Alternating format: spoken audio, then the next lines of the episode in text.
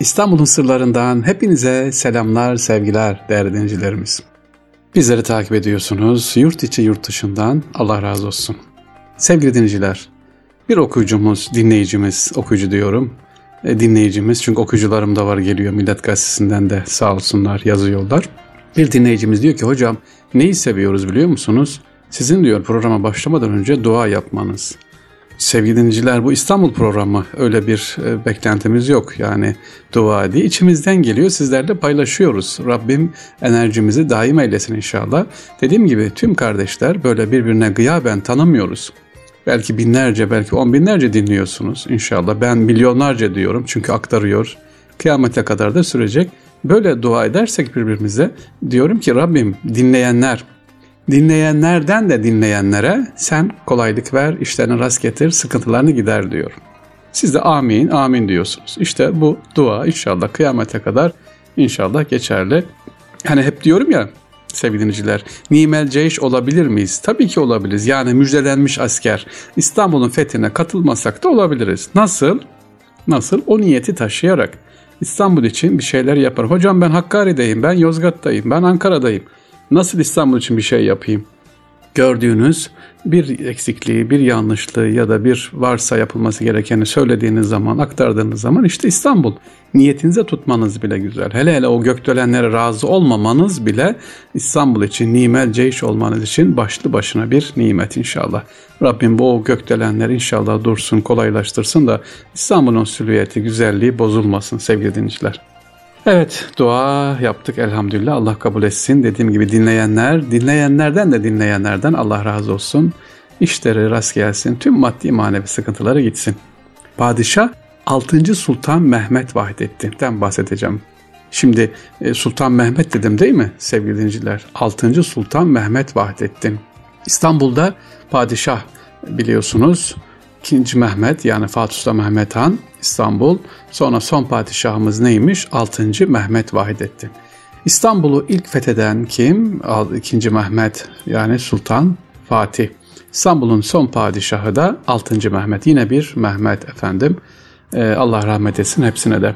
Şimdi 36. Osmanlı padişahı Sultan 6. Mehmet Vahidettin e, Fransa'nın Osmanlı Büyükelçiliğini kabul et töreninde e, güven şehadetnamesine kendi tuğrasını atarken şehadetnamenin yanlış yerine tuğrasını vurması sonucu e, o zaman fark ediyor ve gözünün görmediği yani yakını görmediği özellikle fark ediliyor ve ilk defa padişahlar içerisinde kaynaklarımıza göre görme bozukluğu olduğu tespit ediliyor ve gözlük kullanıyor.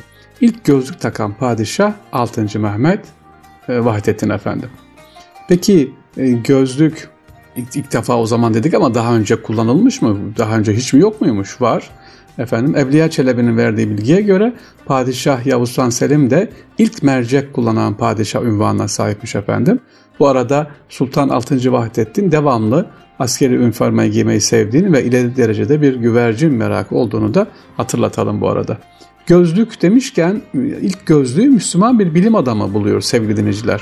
965 yılında dünyaya gelen dönemin en büyük araştırmacılarından İslam fizikçilerinden Ebu El Hasan İbni El Haytam görme optiği ve lenslerle ilgili araştırmalar yapmış olan bir e, bilim adamımız.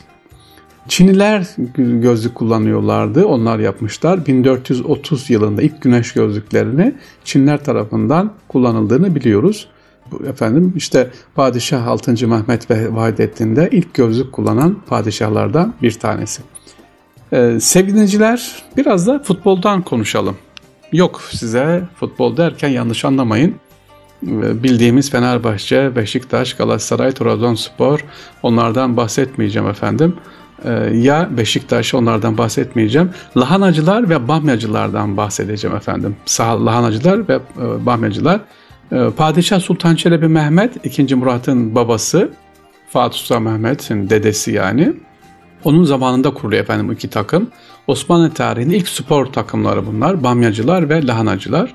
Bu iki takımın elbette ki formaları ve renkleri de vardı. Lahanacılar yeşil, bamyacılar da mavi kadifeden elbise giyiyorlar sevgiliciler. Peki niye lahana ve bamya derseniz eğer e, şehzadelerin eğitim gördüğü Amasya'yı hatırlarsanız Amasya'nın e, özellikle Merzifon oraların en yetişen iki sebzesi lahana ve bamya olduğu için takımlarına lahana ve bamya demişler. Peki takım takım deyip duruyorum. Ne oynuyorlar bunlar? Futbol takımı değil, cirit sevgili dinleyiciler cirit oynuyorlar. Saray tarafından destekleniyor. Hatta padişahların da bizzat oynadığı ve takım tuttuğu lahanacılar ve bamyacılar öldüklerinde bile mezar taşlarına lahana veya bamya sömbölü ne yapıyorlar? Koyuyorlar efendim. Padişahlar arasında Sultan 3. Selim lahanacıları tutarken Sultan II. Mahmut bamyacıları tutuyor ki o kadar ki yaptırdıkları çeşmelerden merdiven trabzanına başlarına kadar efendim mutlaka lahana ya da bamya koymayı ihmal etmemişler. Yani bir eserde kenara bir imza atmışlar sevgili dinciler. Lahana ve bamya. E, cirit yapıyorlar demiştik. Cirit yapanlara cündi deniyor. Cündi.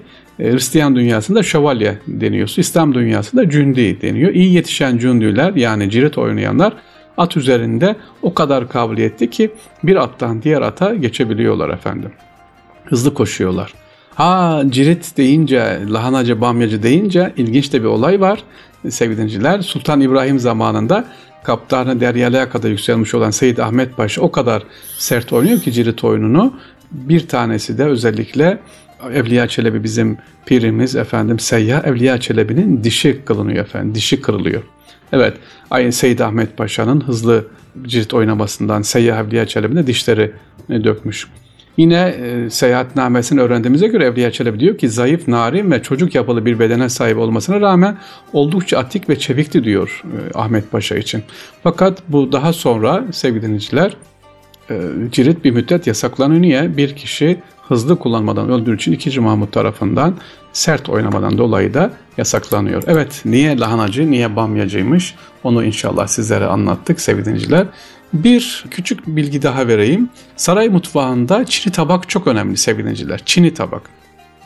Evet çini tabak. Niye çini tabak önemli? Çünkü zehri gösterdiği için. İkinci Mahmut'un emriyle e, çini tabak daha da böyle destek konuluyor. E, bizimki biçimli plastik tabak başka bir e, toprak değil mutlaka çini tabakta. Sebebi de nedir? Zehirlenmelerine, gıda zehirlenmene karşı veya dışarıdan zehire karşı tabak e, kendisini ne yapıyormuş gösteriyormuş. Sarayda çini tabak kullanılıyor efendim. İkinci Mahmut'un bir emri var bu arada yemek derken. İkinci Mahmut diyor ki Topkapı Sarayı'nda yemekler çatal kaşıkla yenmeye başlıyor.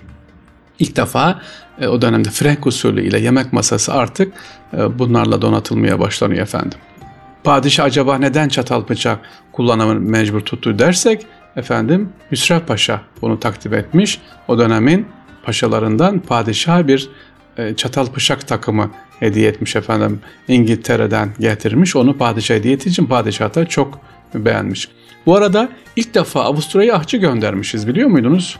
Evet ilk defa Sultan II. Mahmut çatal bıçak kullanımından sonra sarayda sadece Osmanlı mutfağı değil Avrupa mutfağına göre de yemek pişirmesi öğrenmesi için Avusturya'ya bir ahçı ekip göndermişiz ki döndüğünde bize Avrupa yemeklerinde yapalım, öğrenelim diye.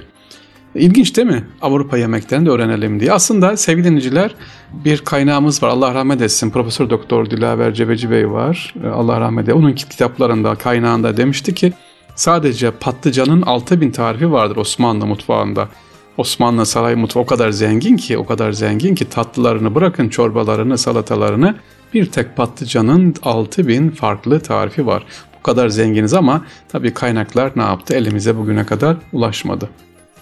Sevgili dinleyiciler İstanbul'un sırlarında biz İstanbul'u şöyle bir hızlı bir şekilde gezdik. İnşallah Allah nasip ederse tekrar sizlerle görüşmeyi arz ediyoruz. Yine duayla başladık. Duayla da bitirelim.